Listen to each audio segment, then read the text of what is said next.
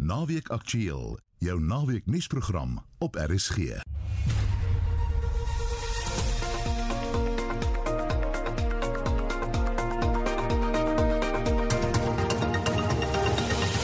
Goeiemôre en in die volgende uur. Strenger wetgewing teen rook word beplan. Inwoners van Olifantshoek is woedend oor 'n watertekort in die gebied. Kan ons dan nie net water kan kan ons dan nie net 'n bietjie geriefliker lewe as wat ons nou lewe nie want met hierdie ouderdom lewe ons onplesierig hier in Olifantshoek. Parlementslede verklaar hulle belange. En 'n skatkis vol oorspronklike argitektoniese tekeninge van Gerard Moerdijk is ontdek. So then I took up the foot tracker drawings and I went, Shice, these are the foot tracker drawings. Okay. Then I went to the back to look for more and then I saw general churches and I had four rolls of these general churches. Then I looked and I saw Libertas, the presidential house, and another presidential house. And then it just got ridiculous. Welkom by ons program. Die redakteur vandag is Jean Esterhuizen en die produksieregisseur Daitrin Godfrey.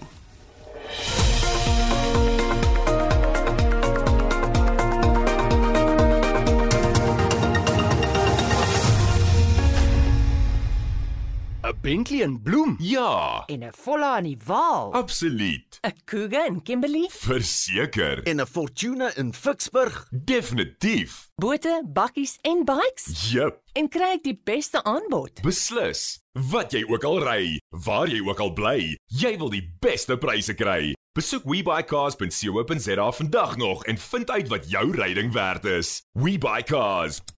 By verre die beste manier om jou ryding te verkoop.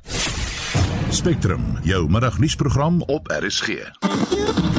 Die verkiesing op 27 Oktober is besig om politieke partye in 'n posisie te kry waar hulle self vasknoop. die regering en die EFF speel nou die bal tussen mekaar. Maar die dilemma van hulle albei se uitkomste is dat dit nie noodwendig vertroue gaan inboesem dat ons die regte dinge kan doen om ons land se probleme aangespreek te kry nie. Die staat gaan al die grond besit en jy gaan waarskynlik hier by die staat op voorwaardes wat die staat dan nou kan stel. Spectrum, jou middagnuus aktualiteitsprogramme, weksmiddag tussen 12 en 1 net hier op RSG.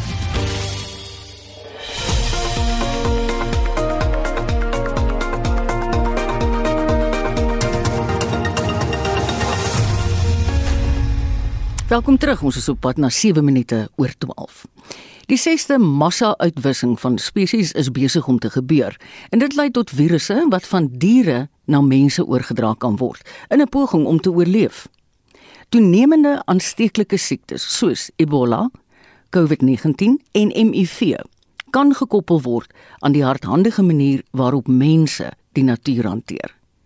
Die nuwensgewende organisasie Wild Spirit Fund het 'n bewusmakingsgeleentheid aangebied oor die gevaar wat die gevaarlike siektes vir mense inhou. Lila Magnus het meer. Navorsing wys dat meer as 75% van opkomende aansteeklike siektes in mense 'n dierlike oorsprong het. Die oordrag van dierlike siektes na mense neem vinnig toe. Sedert 1980 is daar meer as 35 nuwe aansteeklike siektes aangeteken. Die hoofuitvoerende beampte van die Wild Spirit Fund, Fabiola Quesada, sê mense se gesondheid kan direk verbind word met die inkrimping van die wêreld se biodiversiteit. If we want to prevent future pandemics, if we want to prevent the health of humans, it goes through the protection of nature and the protection of wildlife. So basically, the pathogens are outside there, okay? There are billion, millions of viruses that we don't know about them, together with other pathogens. So these uh, pathogens are living in balance with nature. When we are breaking that balance by making with by encroachment, by deforestation, by climate change, by biodiversity loss, these pathogens are looking for a new species where to jump in, okay? And this new species is the one of the, the mammal on the highest number, and that happened to be that is humans. Sy sê dierlike siektes word meestal na mense versprei deur die onwettige handel van bosvleis. This meat is not doesn't go through health control. There is not any veterinary or health sanitation on the middle. So this meat is directly take from the bush and give directly to, to the communities through illegal markets or through local markets. So there is a high chance of these people of getting diseases because there's no health sanitation whatsoever. Die Wild Spirit Fund het geld aan die Dinokeng Natuurreservaat buite Pretoria gegee sodat hulle hul grensdrade kan opgradeer om bosvleisstropers te keer en die naburige gemeenskappe so teen siektes te beskerm. David Boshoff is die bestuurder by die Dinokeng Natuurreservaat. Hy sê stropery vir bosvleis het erg toegeneem in die reservaat sedert COVID-19. When they caught an animal like a, a blue wildebeest or a zebra, they are quite huge animals, and to carry that animal out in one piece is impossible. So they will actually cut the animal up in pieces in the veld, in the dirt, and that animal meat will be carried away from the game reserve to their local slaughterhouses where they will even cut it up further. You know, and the hygiene on those places that we see is usually tremendous. It's this flies is actually very full, filthy and disgusting. Kusada sê groot maatskappye sal saam met natuurbewaringsorganisasies moet werk om die sesde massa-uitwissing van spesies te keer en so menslike gesondheid te beskerm. Ek is Lila Magnus vir SAK nuus in Pretoria. Inwoners van Olifantshoek in die Noord-Kaap is woedend oor 'n watertekort in die gebied. Dit het ook 'n groot impak op sakeondernemings en skole. Skole in die gebied moes hulle voedingsskemas staak. Die Gamagara munisipaliteit en Sedibeng Water blameer mekaar vir die tekort. Ons verslaggewer Reginald Witboy het die gebied besoek en die verslag saamgestel. Met die land wat tans beerdkrag in die gesig staar, word meer as 2000 inwoners in Olifantshoek 'n dubbele slag toegedien. Vir die afgelope 8 maande sukkel hulle met stabiele water toevoer van die plaaslike munisipaliteit Anna Williamson woon vir die afgelope 67 jaar hier en sê die huidige situasie is onverdraaglik. Ek doen vanmiddag 'n beroep as die liewe meester aan julle sou kant ook as aan vir julle vir ons kan luister. Dan sal ek baie vra, kan ons dan nie net water kan kan ons dan nie net 'n bietjie geriefliker lewe as wat ons nou lewe nie, want met hierdie ouderdom lewe ons onplesierig hier in Olifantshoek. Ons lewe baie onplesierig. Die watertekort het skole gedwing om hul COVID-19 protokolle aan te pas. Leerders van drie skole in die omgewing kan nie sommige van die COVID-19 ingrypings volg nie, soos byvoorbeeld om gereeld hande te was. 'n Onderwyser by die skool, Welda Versaghi en Amanda Jonathan van die skoolbeheerliggaam verduidelik. Vanaf word vir ons reëls en regulasies neergelê vanaf departement onderwys en dan weet ons ook mos nou ehm um, dit kom nie net van die departement onderwys af nie. Dit kom van 'n hoër gesag af en ons is vir ons dis ons plig en ons verantwoordelikheid om hierdie reëls na te kom.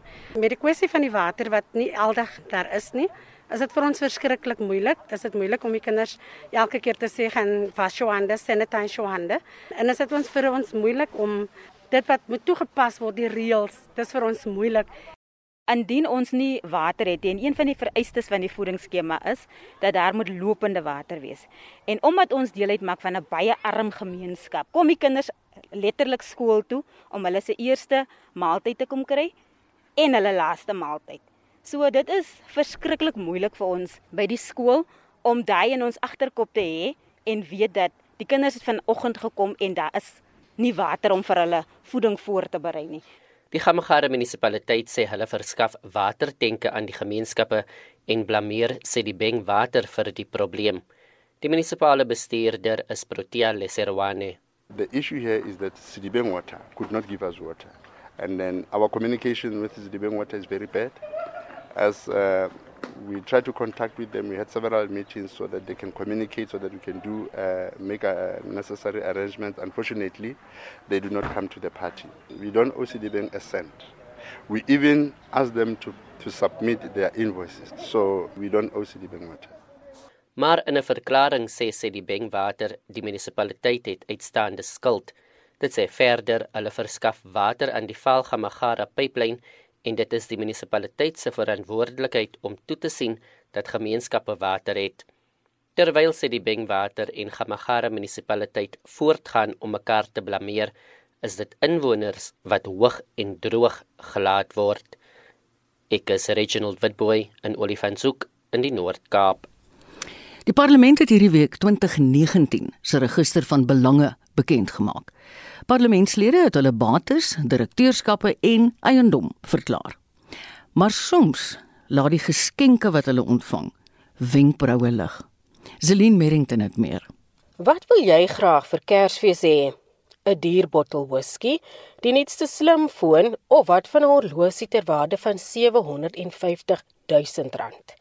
Wel, as jy 'n lid van die parlement is, hoef jy nie te wag vir die feesseisoen nie. Dis net van die geskenke wat hulle ontvang het. 'n Paar LPs het skootrekenaars en Kubaanse sigare ontvang terwyl die Russiese ambassadeur na Suid-Afrika seker maak die meeste ministers het van die gesogste vodka in voorraad. Die minister van polisie, Bekkie Cele, is die enigste een wat 'n horlosie van 750 000 rand verklaar het, al sê hy dat die hele kabinet dit ontvang het tydens 'n staatsbesoek aan Saudi-Arabië in 2018. In terme van eiendom besit die meeste LPs 'n residensiële woning, 'n paar het plase, maar die mees interessantste is die begrafnisonderneming wat deur die ANC se adjunkhoof sweep Doris Lakude besit word. Indien jy goeie vriende het soos die minister van Samewerkende Regering en Tradisionele Sake in Nkosazana Dlamini Zuma, is jy gelukkig. Sy het verskeie geskenke, soos 'n skaap, kupons vir beddegoed, skoene, slaapklere, 'n handsak en 'n 12-stuk teestel, alles van familievriende ontvang. Maar wat 'n gatslag vir die voorsitter van die polisiekomitee, Tina Jumat Patterson, wat nagemaakte parels ter waarde van R800 verklaar het. 'n geskenk van die Republiek van China. Dis seker die gedagte wat tel. Die minister van Landbou en Grondhervorming, Dr. Diza, se geskenke is eintlik 'n jammerte.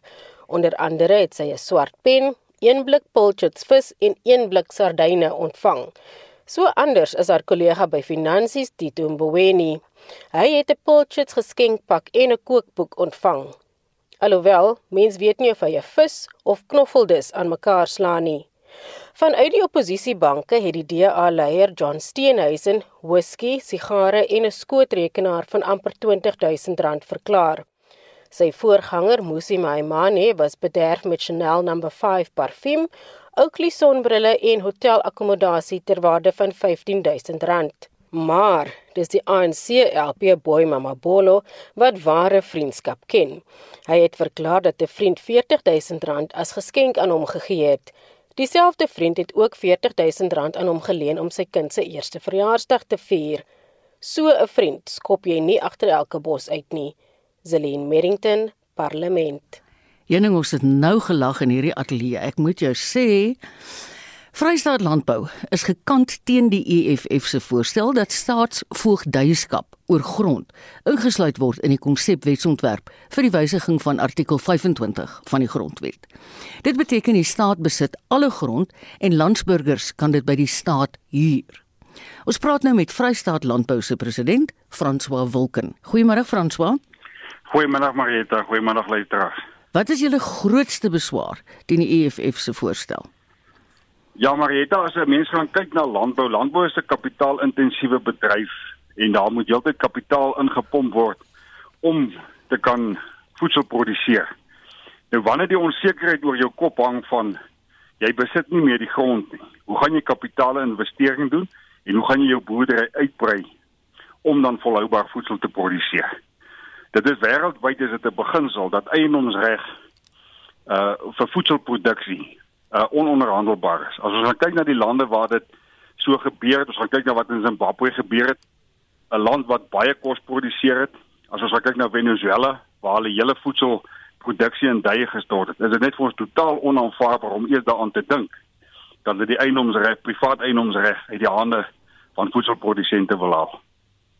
Ja, nee, ek het in die week met iemand gesels in die, hierdie program wat gesê het dit is 'n geval van baie kere plaas jy jou plaas as kollateraal op die spel. Ja, dis verseker so. Ek bedoel uh, daar word nie vir ons duidelikheid gegee wat gaan uh, wat gaan gebeur sou die plaas nou die eienoomsreg nou weggevat word, die staat besit nou die grond. Die skuld wat op die oomblik op die grond is, wie gaan daardie skuld hmm. moet diens? Dis baie waar. Jy het net nou verwys na voedselsekerheid, maar wat is die impak hiervan op voedselsekerheid en ekonomiese gevolge? Ja, onthou 'n mens gaan om om om voedsel te produseer, moet jy gaan skuld aangaan om om jou insette te kan finansier, mm. jou saad, jou kunsmis, jou brandstowwe en daai goed. En daarvoor gee jy jou grond as kollateraal om te kan produseer. As dit uit jou hand uit is, wie gaan dan nou instaan daarvoor? Ja. Waar gaan ons finansiering kry? Inset finansiering kry om te kan produseer.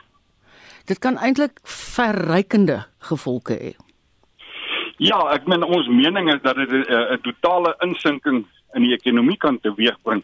Want boonbehalwe vir landbougrond behels dit ook enige ander eiendomme. En nou as iemand wil kom belê in 'n land, wil hy tog sekerheid hê dat sy belegging veilig is, dat daar nie beslag gelê gaan word op sy eiendom of op ewen op sy beleggings nie, want ek meen dit gaan nie net oor grond en spesifiek landbougrond nie. Dit strek mm. baie wyer as dit en dit gaan dan op vir die staat volle mag gee om te maak soos hulle wil. Nou die ongeluk is net dat die die staats die die geskiedenis van hoe staatsbeheerde instansies bestuur was in die afgelope 24 jaar wat feitelik almal van hulle is tot niete. Wat is die volgende? Sou oude, oude dan in in die huidige regering se hande laat waar korrupsie hoogtyf wees. Weet ek kan 'n mens net dink wat die gevolge daarvan gaan wees. Franswa, hoe vol Vrystaat landbou oor die verloop van die parlementêre proses oor grondonteiening tot op hede? Die uh, die komitee het 'n het 'n mandaat gekry om spesifieke goed in die grondwet te wysig. Om nou op 99 nuwe goed in te voeg, gaan hulle eintlik buite hulle mandaat. So hulle sal moet gaan vra vir 'n nuwe mandaat om in te voeg wat hulle nou wil invoeg. So eintlik tree hulle buite hulle mandaat op selfs die parlementêre terre regsadviseurs het vir hulle gesê julle tree nou buite julle mandaat op. So dit lyk vir my dat dit politieke populisme is wat nou in die, aan die orde van die dag is. Daar's 'n verkiesing in Oktober maand. So dit maak dit net vir ons baie moeilik om te weet wat is die regte motiewe agter dinge soos wat nou besig is om te gebeur. En jy weet Frans wat die syfers wat genoem word vir hoeveel boere, produktiewe boere bedryfsboere wat heeltemal besluit het hulle kan nie langer onder hierdie omstandighede boer nie en dit het definitief 'n impak op ons voedselsekerheid. Verseker ja en Marieta ons wil verskriklik graag hê dat dat daar nog boere in die bedryf moet inkom. Mm. Uh swart boere, uh, enige boere ja. moet in die, tot tot die bedryf toetree. Ons wil dit graag uitbrei want ons ons moet, want die mense word al meer. En as ons gaan kyk hoe die opkomende boere wat nou wil in die bedryf inkom, selfs vir hulle raak dit nou 'n probleem. Hulle spook nou al lank om eiendomsreg te kry mm. sodat hulle kan finansiering bekom om te kan voedsel produseer. Ja. Nou wil hulle daai pad wat ons nou al reeds geloop het, wil ons nou weer gaan wegvat. Ja, mens kan nie mens kan die boere se gevoel heeltemal verstaan. Baie dankie Frans sodat ons jou op 'n Saterdag kon pla. Dit was Franswa Wilken, Vrystaat Landbou se president. Ek hoop dit maak saak nie, maar indien wel 22 minute oor 12. Die departement van gesondheid wil strenger wetgewing teen rook implementeer. Die wetsontwerp op die beheer van tabakprodukte en elektroniese stelsels is in 2018 voorgestel, maar is nog nie parlement toe nie. Die departement sê hy maak aanpassings aan die wetsontwerp sodat dit na die kabinet verwys kan word. Vir haar mening praat ons nou met die voorsitter van die Suid-Afrikaanse Mediese Vereniging, Dr. Angelique Kutse. Nie gedink ons gaan jou pla op 'n Saterdag nie, Angelique? Marita, ek is al van voor 6 vanoggend al op op vergaderings so. Tussen COVID en tabakprodukte, ek meen regtig. Kom ons vra, wat behels die konsepwetgewing? Nou, hulle wil strenger op weet strenger maatreëls inbring om mense te verhoed om sigaret eh uh, sigarette of ehm um, wel ons bring e-sigarette ook in te te, ge, te gebruik. Jy weet ehm um, ongelukkig is daar nie baie goeie goed wat ek van sigarette kan sê nie. Daar is eintlik werklik niks wat goed is omtrent sigarette nie behalwe dat dit vir party ouens 'n uh, stresontlading tipe ding is wat hulle gebruik. Maar as ons gaan kyk na sigarette ehm um, in die impak daarvan ehm um, impakteer dit eintlik op alle gesondheids ehm um, uh, uh, organe wat in jou liggaam is. Dit sien alle organe word betrek by by sigaret rook, ehm um, dit speel 'n rol in hoë bloeddruk, dit speel 'n rol in ons ons almal nou al weet in longe en wat ons nou kroniese obstruktiewe uh, lugweegsiektes noem. In die ou ou term was dit emfyseem. So dit speel daarmee 'n rol. Ehm um, ons probleem tans met met sigarette is dat kinders dit op 'n baie vroeë ouderdom begin gebruik. En jy weet as jy bo seker hoeveelheid pakjare het, word dit al moeiliker om jou um, liggaam om te keer as jy jou sigarette stop En dit raak ook al moeiliker om van die gewoonte af te leer. Jy weet, ehm um, ongelukkig in ons land ook, ehm um, alhoewel ons teen sigaret rook is, is dit nie so maklik om dit op te gee nie. Jy weet, ek het al baie keer vir ouers gesê wat baie ongelukkig is omdat hulle kinders ehm um, dagga of heroïne of daai tipe goed gebruik en jy rook die ouer en dan vra kan jy jou sigarette stop? En hulle kan dit nie regkry nie so dan nog te meer as jy nou met aan ander goed verslaaf is. Maar die punt is ons het nie goed genoeg ehm um, kontrolemaatreëls in plek om mense te help om af te kom van sigaretrook af nie want dit is 'n verslawing ongelukkig. Verduidelik 'n bietjie vir ons Angelique, wat is die voorstelle in die nuwe wetgewing? Wel, een van die ehm um, voorstelle wat sommer ehm um, ondersteun, verskriklik sterk ondersteun is die feit dat ons wil hê alle tabak ehm um, verpakkings moet dieselfde wees. Dit moet daar moenie 'n mooi prentjie op wees nie. Almal moet ehm um, uh, wit wees, dit moet 'n wit verpakking wees. Daar mag niks anders as op daai ehm um, pakkie wees nie, so daar moenie verduidelik word dat dit weet hierdie een is so mooi en jy weet jy gaan op hierdie pad kan ry en die son sakkie agter jou en so aan nie. Daai goeders is nie is nie aanvaarbaar nie. Dit val teen sy hare gebors. Exactly, exactly. so so daai goed dit is dit is die grootste goed wat ons ondersteun in hierdie wetsontwerp en dan ja, dit moet nie um, verkoop word aan onder uh, weet onder 18 jariges nie maar die punt is ons kan al een weer eens al hierdie goed inbring as dit nie afdwingbaar is nie en as daar nie gekyk word daarna nie ehm um, dan gaan ons ook weer nêrens afkom nie mm. Kyk ons het van die heel beste wette teen rook dink ek in die wêreld soos dit al klaar staan maar nou is die ironie van die hele saak ons ons ehm um, jy kan my verkrag maar jy moet net nie rook terwyl jy dit doen nie. Exactly. Dis uh, daar sal daar sal daaraan moet aandag gegee word dat dit wel toegepas word. Ja. Nee, dit moet dit, dit help nie ons dit help regtig nie ons bring al hierdie wetgewings in en ons kan dit dis soos wat ons nou met die COVID sit en sukkel met. Ja. Weet ons bring die die die die goed in en eh, die mense daar word nie gekyk dat dit afdwingbaar is en dat die mense doen wat mm. hulle moet doen nie. Mm. Ehm um, en weer eens, jy weet, ehm um, ouers stel ook ongelukkig die voorbeeld vir hulle kinders. So daar's twee goed wat gewoonlik uit ouers uitkom wat erg groot. Een is die kinders wil niks weet van rook ja, nie, en die ander ja. is die kinders volg hulle voorbeeld. Ja. Ek het nog al 'n paar vriende wat se ouers blykbaar kettingrokers was en vir hulle is dit totaal onaanvaarbaar. Angelique, geniet die res van jou Saterdag as jy enigsins kan. Dankie. dankie vir jou tyd. Dit was dokter Angelique Kutse, die voorsitter van die Suid-Afrikaanse Mediese Vereniging. Daar word beplan om die bestaande infrastruktuur by die Polokwane internasionale lughawe in Limpopo te verbeter. Die Suid-Afrikaanse Burger Lugvaartowerheid het die lughawe in April van kategorie 7 tot kategorie 2 afgegradeer, wat nie voorsiening maak vir kommersiële vlugte nie. Die lughawe het nie aan die vereiste veiligheidsstandaarde voldoen nie. Vincent Mofokeng berig. Verouderde aanloopbane en onvoldoende aanwysings het aanleiding gegee tot die Suid-Afrikaanse Burgerlugvaartowerheid se besluit. Die lughawe het ook 'n swak gestruktureerde noodoefeningsfasiliteit. Die ALR vir vervoer, Mavungu Lerule Ramakhanya, het toegegee dat hulle meer kon gedoen het om die lughawe op te knap. It has been a very very painful process, but we want to appreciate the work that has been done by the inspectors. because one, the issues that they've been raising, one around the issues that I think all of you who have gone to the field and see the progress, you'll know that safety was one of the issues that they've raised. And I think up to so far, as we process it, we start to appreciate that the inspectors that came raised it and we are attending to it. Die ALR voer aan dat 'n gebrek aan toewyding en onbevoegde personeel van die redes is wat gelei het tot die afgradering. One of the findings was around the issues of human resource. And I think up to so far, I can confirm to the people of Limpopo that we have adopted an organogram now as an institution as GAL. We have adopted an organogram that addresses the officials, the technical staff. That was part of the findings that we could not get. Sy sê hulle werk hard daaraan om te verseker dat die lughawe terug kan keer na sy vorige status. It has been a setback, and we are saying to the people of Limpopo, we are working on it. They've seen it. We have tried, and out of 14 findings, I think up to so far, we are at 10.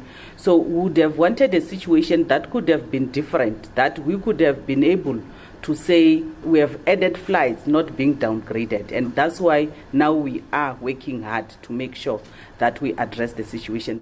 Die departement sê die afgradering van die lughawe het nie tot enige werksverliese gelei nie. Die verslag van Pimani Baloyi in Polokwane. Ek as Vincent Mufokeng vir SAICA nuus. Ons is op pad na 0.1 toe en dit beteken ons gaan sportsake praat. Gisteroggend 'n monitor het Pieter vir ons gesê hy het so die hele naweek se sportdagboek geblaai en nou sy reg met die jongste inligting. Hallo Pieter van der Berg. Hallo sê Marita.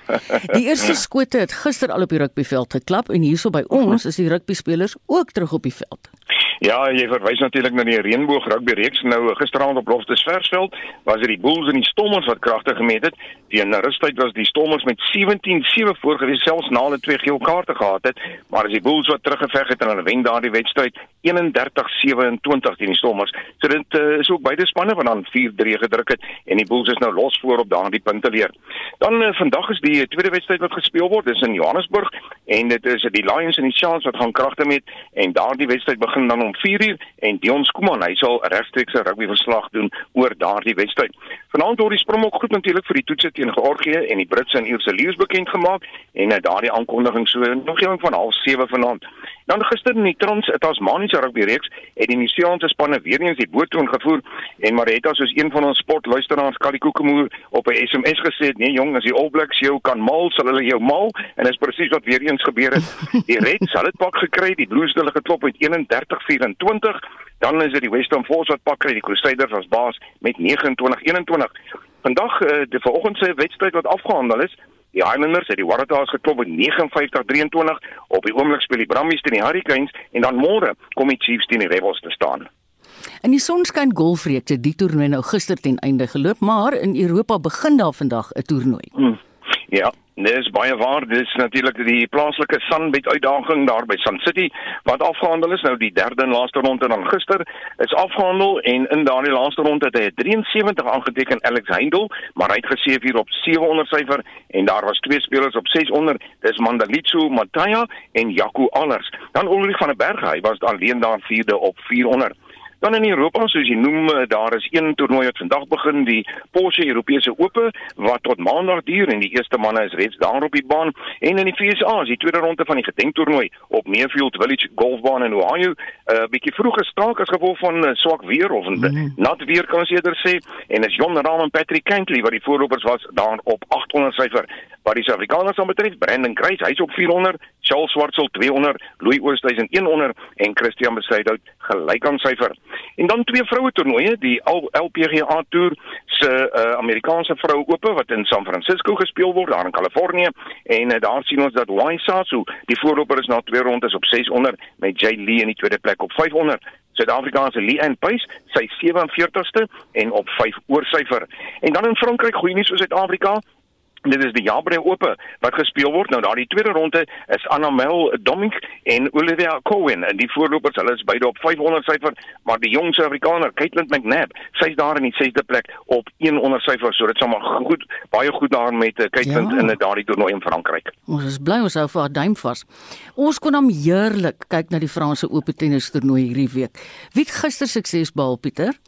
Ja, ek dink die belangrikste wedstryd vir my gister op Roland Garros was in die mans enkelspel, daardie ronde van 32, Stefanos Tsitsipas. Mm. Hy het 'n 4 stel oorwinning oor John Isner behaal, uh, 5-7, 6-3, 7-6 en 6-1 en dan met Daniel Medvedev. Hy het afgereken met Riley Opelka en dit was in drie stelle 6-4, 6-2 en 6-4. En dan in die vroue enkelspel in die ronde van 32 ook Serena Williams 'n uh, gemaklike oorwinning oor Danielle Rose Collins 6-4 en 6-4 en dan Victoria Azarenka sy het met Madison Keys afgereken die telling 6-2 en 6-2 en Maretta van komende Dinsdag af sal ons op RSG so 5-6 keer 'n dag 'n draai maak op Roland Garros vir die jongste tennisnuus. Dis baie goed. Janie, ek kon nie glo hoe lank is daai Isner aan die huis 6 voet 10. Jukie. ja, kan jy dink hoe hoe kom daardie balle wat hy afslaan? Ja, nou, hoe kom daardie balle nee, met 'n spoed nee? Nee, ek sou hol. Hierdie naweek word ons getrakteer op Formule 1 sowel as MotoGP. Het jy na gister se oefensessies gekyk? Ja, ek het so 'n bietjie kans gehad om te loer in die Azerbaijan Grand Prix in Formule 1 natuurlik die hoofwedren word môre om 4uur gejaag. Nou gister tydens die tweede oefensessie uh, Sergio Perez in sy Red Bull Honda die vinnigste met Max Verstappen in die ander Red Bull Honda die tweede vinnigste. Nou so 'n rukkie gelede is dit Verstappen wat in die derde oefensessie 'n ongeluk betrokke was en uh, so hy sal 'n bietjie vinnig moet werk aan sy kar om natuurlik gereed te wees vir vanmiddag se uh, kwalifiserende rondes om te kyk wie se eerste op die wegspringrooster. Carlos Sainz in 'n Ferrari en uh, Charles Leclerc ook daar in die ander Ferrari, hulle was daar in die posisie 3 en 4 gister in daardie tweede oefensessie. Lewis Hamilton, hy was net 11de vinnigste.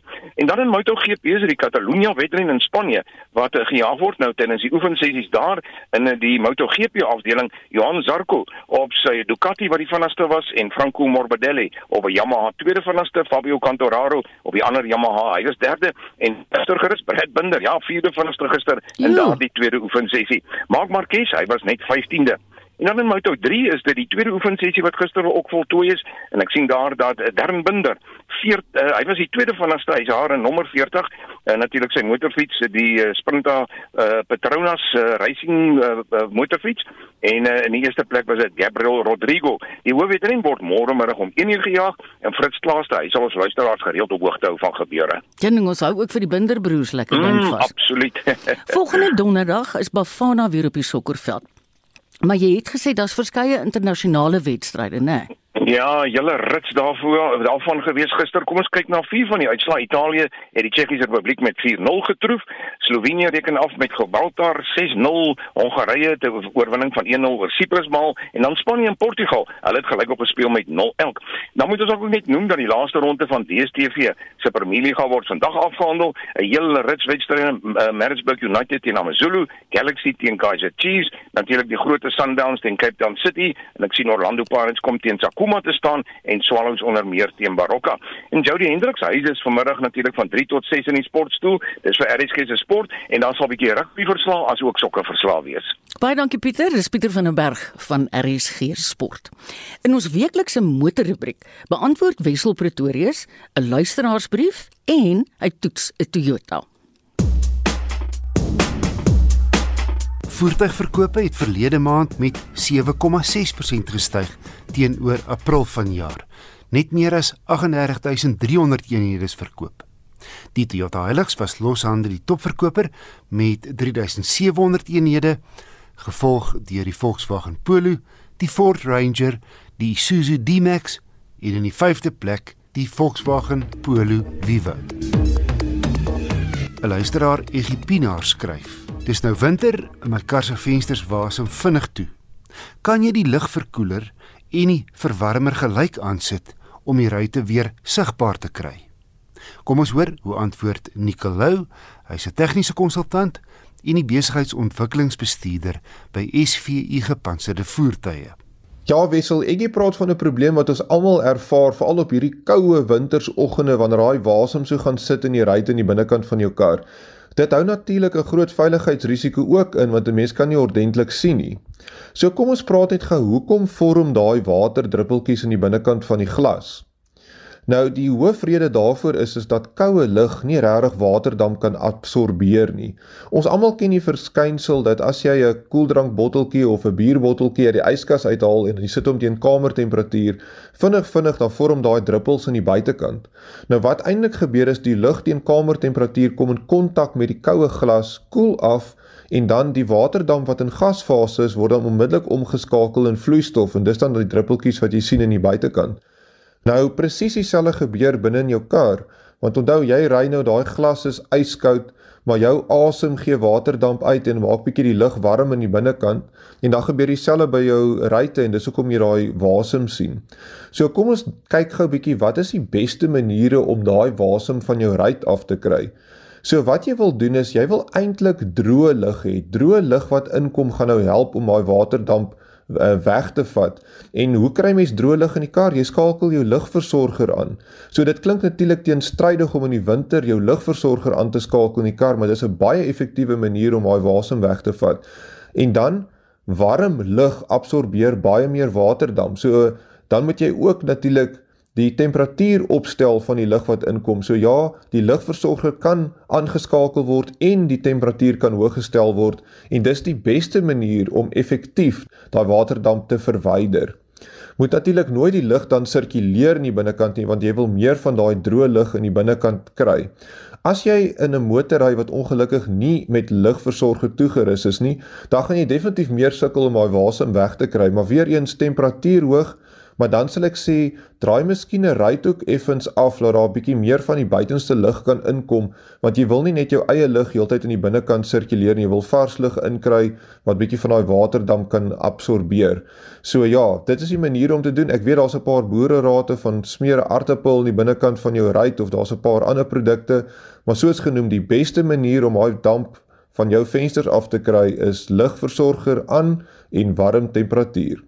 Nicolou, 'n tegniese konsultant en die besigheidsontwikkelingsbestuurder by SVU Gepantserde Voertuie. En SVU het pas sy Max 3 bekend gestel, 'n 8-sitplek gepantserde voertuig wat op die Toyota Land Cruiser 79 gebaseer is met die 4.5 liter 8-silinder turbo diesel masjien. Dit plaas die Afrikaners blykbaar nie dat Toyota 2 Suzuki reekse as Toyotas verkoop nie. Dis nou indien kopers hoegenaamd bewus is van die feit. Ek skat daar's Toyota eienaars wat so in die ry dink, gits maar daai Suzuki lyk dan nes my Toyota en andersom. Ek het onlangs die Toyota staal het getoets wat niks anders is as 'n Suzuki Baleno nie. Natuurlik met Toyota kentekens. Verlede maand het Toyota 651 staalets verkoop. En sopas het ek die Toyota Urban Cruiser getoets, identies aan die Suzuki Vitara Brezza, net met 'n effens ander gesig. Die samewerkingsooreenkoms behels dat Suzuki op sy beurt twee hibriede Toyotas wat nie by ons te kry is nie, as Suzuki's herdoop. Verder, hoewel Toyota en Suzuki Japanees is, word al die tweelinge in Indië vervaardig om kostes laag te hou. Die Toyota Urban Cruiser in die klas van die Ford EcoSport was onmiddellik 'n sukses toe hy 3 maande gelede plaaslik bekend gestel is. En sy verkope van 717 laas maand maak hom die gewildste in die klein kruisvoertuigklas. Dis byna 3 keer meer as sy Suzuki Vitara Brezza dubbelganger se steeds skaflike 255 eenhede. Ek het die lykste handrat Urban Cruiser gery, die 1.5 XR wat onder die sielkundige 300 000 rand kerf verkoop met daai gewilde sportnuts voorkoms, swart plastiek om die wielbo en skuurplate aan die onderkant voor en agter. Hoewel die hele reeks net met die voorwiele trek en 16 duim alloy wiele. Ja wat harde plastiek word binne gebruik, maar sy goeie vlak van toerusting teen die prys maak op hier voor. Jy kry Bluetooth, klimaatbeheer, 'n 6 duim inligting en vermaak raakskerm met Android Auto en CarPlay, outomatiese lig en reënveers, 'n leerstuur, toevoubare spieëls, togbeheer, sleutellose toegang, aanskakeling met 'n knop, 'n verkoelde paneelkussie, twee laaipunte en sogenaamde Wi-Fi hotspot met 'n komplementêre 15 gigagrepe se data. Wat veiligheidskenmerke aanbetref, kom die Toyota Urban Cruiser met Isofix kindersitplek ankers, dagryligte, drie sensors en 'n driebeeld. Ongelukkig nie elektroniese stabiliteitsbeheer nie, soos jy wel teen die prys en die EcoSport kry. En net twee ligsakke voor, die Ford G6. Sy 1.5 liter lewer 77 kW en 138 Nm. Voldoende krag omdat die Urban Cruiser relatief lig is. 'n Sesde rad sou gaaf gewees het. In vyfde by 'n aangeryde 120 lê die toere reeds by 'n hoorbare 3700. Maar ondanks 'n redelike lae toprad, was die verbruik op my gekombineerde stad en ooppadroete 'n baie goeie 6,5 liter per 100 km. Ander sterkpunte, 'n heerlike radaksie en sy pens lê 'n ordentlike 198 mm bo die grond. Hy hanteer goed soos hobbels en ongelykhede in die pad. Baie goed. Spasie bloot gemiddeld vir die klas. Hy kom wel met 'n volgrootte staal spaarwiel.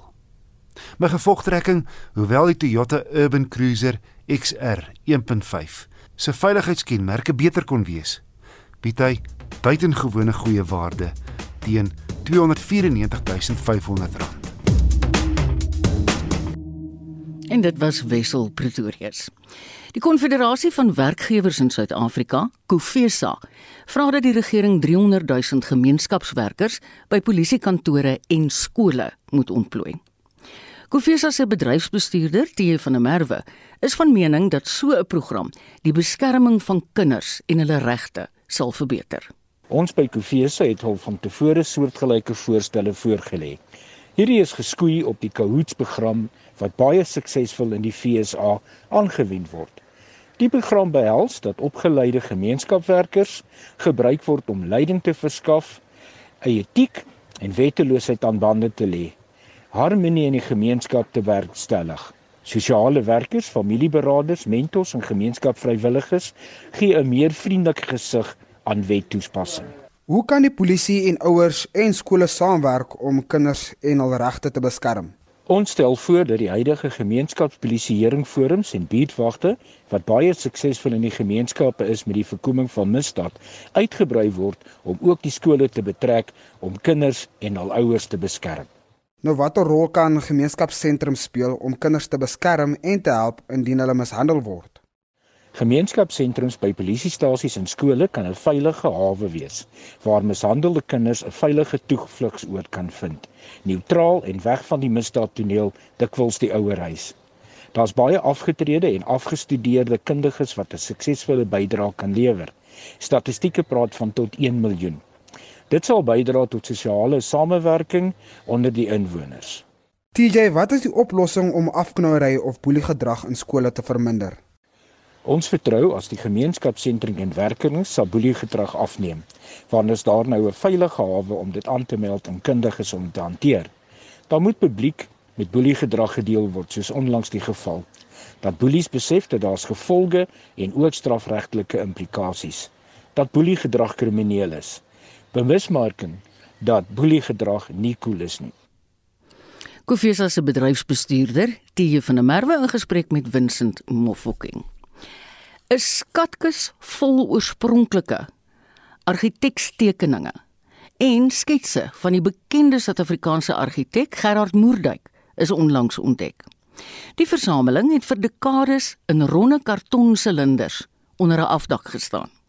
Die versameling bevat sketse en konseptekeninge van die Voortrekker Monument, Mahlambo Ndlovu, die amptelike staatshuis en meer as 80 kerke wat Moerdijk vir plattelandse dorpe ontwerp het.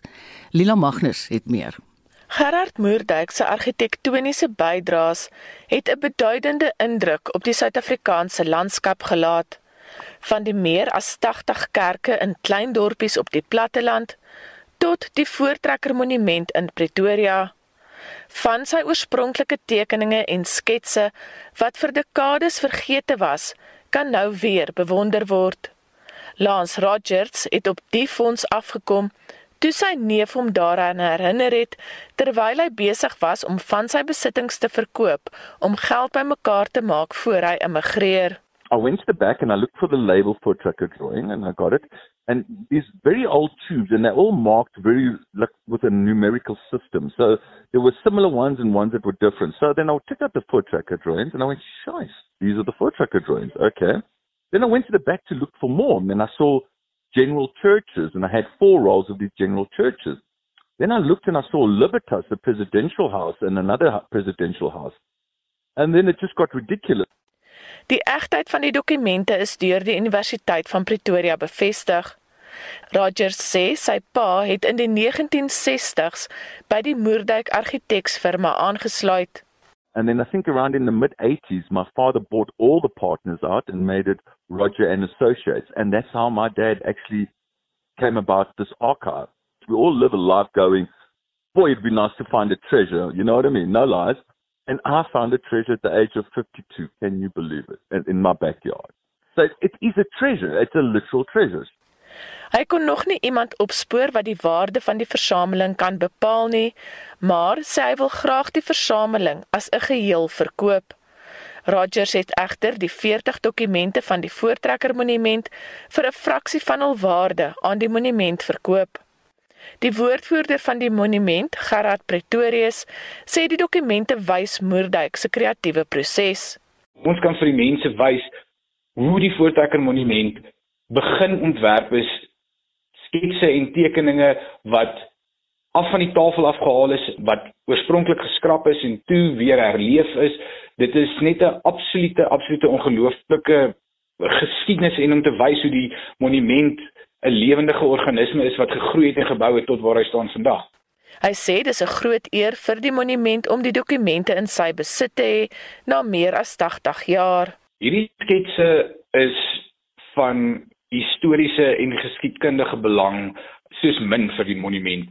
So daar is argiteksketse spesifiek oor die monument wat in handskrif en pen nog geteken is en wat dit nog meer spesiaal maak is EG Jansen wat destyds die sentrale volksmonument komitee se voorsitter was het daarop afgeteken maar ook dan daarby die friese wat op is wat die hele geskiedenis van die voortrekkers vertel en uitbeeld is daar handgesketste sketse van idees hoe die friese moet lyk Die Voortrekker Monument gaan die sketse en tekeninge restoreer en dan by die monument uitstel.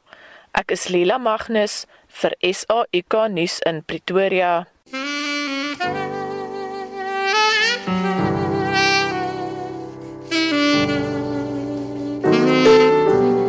Dis gospel. Sondagnamiddag net na die 5uur nuus tot voor 6.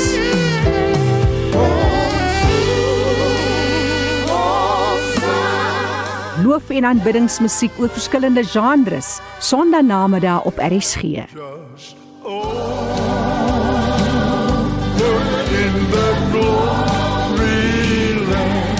Onthou ons afspraak Sondag namiddag net na die 5uur nuus tot voor 6. Dis gospel saam met my Jackie January.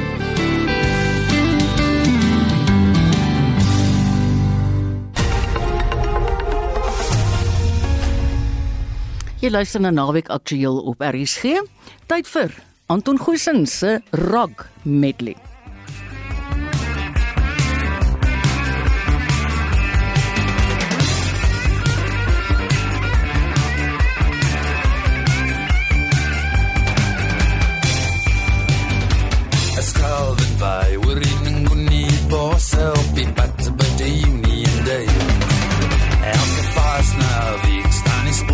My daar as die herfswind ook as hoor. En ek kan net sien. Dat spook geil as dit klippe berg afrol.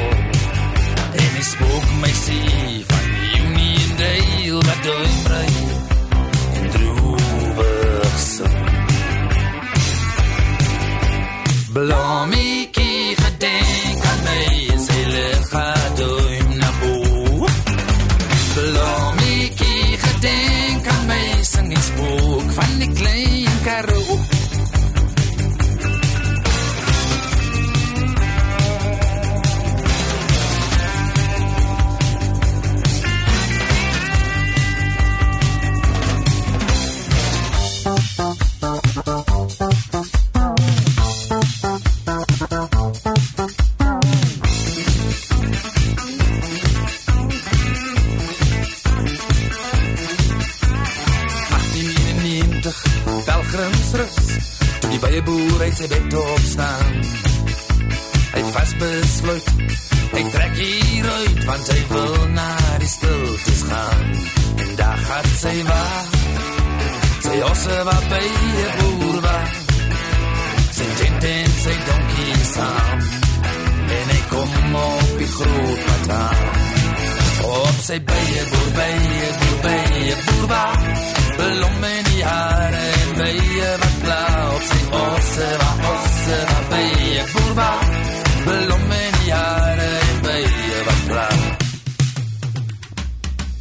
Open en ver die harlekijn nog wijn Rooi wijn vir sy lach en traan en pijn Van die wees ons 'n nuwe wind wat waai van die val tot onder in sal dan naby. Van die val tot onder in sal dan naby. Van die val tot onder in sal dan naby.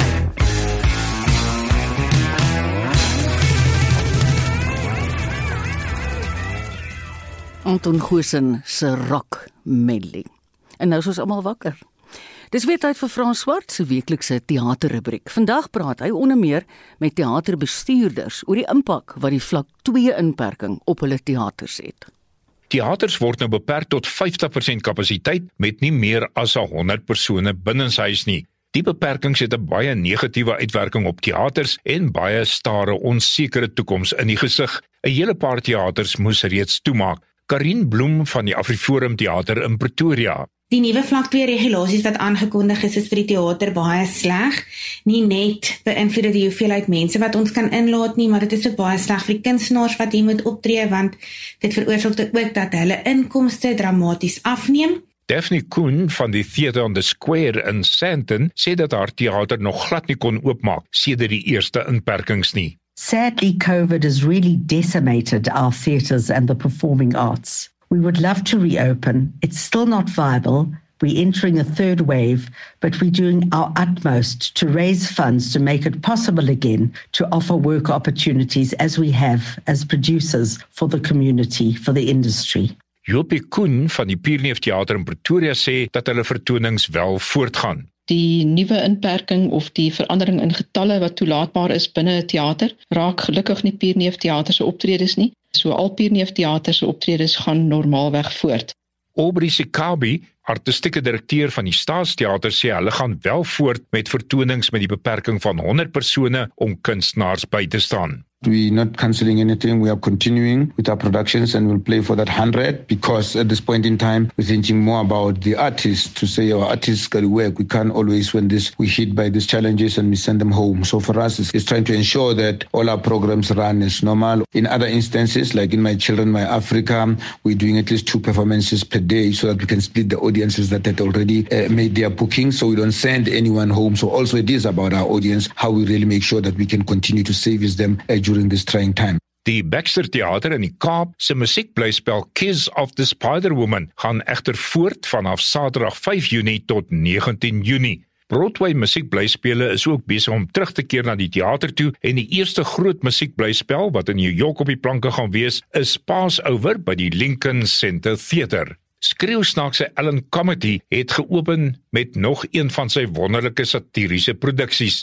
Apocalypse Now by die Theater on the Bay in Kaapstad. Vir Ellen is daar geen heilige koeie nie en daarom stuur hy die legendariese rolprent Apocalypse Now op met die interessante titel Apocalypse Now. Dit was seker een van die mees absurde 18 maande in ons almal se lewens met hierdie pandemie. Ellen gebruik ons laaste 18 maande om ons weer terug in die teater te kry en om ons weer lekker te laat lag. Alkohol en sigarette is verban.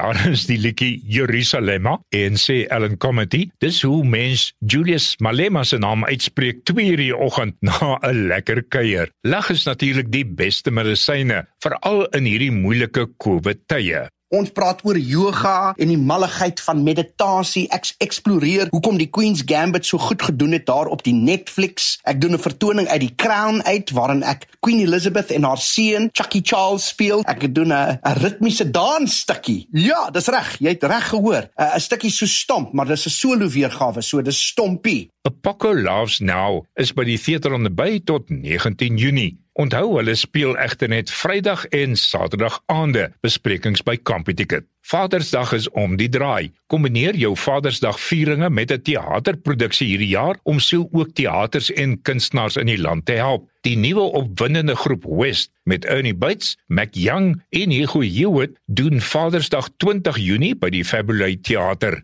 Ons almal onthou natuurlik vir Ernie Bates as deel van die Suid-Afrikaanse a cappella groep Overturn wat deur Clint Eastwood en sy vrou Linda in Kaapstad ontdek is. So is Overturn toegenooi om by die Eastwoods aan huis te bly en het Bates die opdrag van Clint Eastwood gekry om sewe liedjies vir sy Hollywood rolprent Invictus te vervaardig. Vadersdag met West is op 20 Junie by die Fabulous Theater. Besprekings by itickets.co.za. Stuur gerus jou teaternuus aan frans@lefra.com.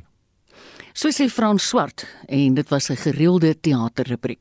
Onthou tog om al die COVID-19 regulasies na te kom wanneer jy na 'n teater gaan dan naby jou en 'n mens nou die ruimte moet deel met ander mense. Al ons programme Naweek Aktueel, Spectrum, Monitor, Kommentaar en selfs Finansiële Fokus is almal beskikbaar op Potgooi by RSG. Gaan na ons webblad rsg.co.za. En daarmee groet ons namens die waarnemende uitvoerende regisseur Wessel Pretorius, die redakteur Jean Esterhuizen, produksieregisseur Daitron Godfrey en ek is Marieta. Geniet jou middag in die geselskap van RSG, nou eers saam met Renske hierna.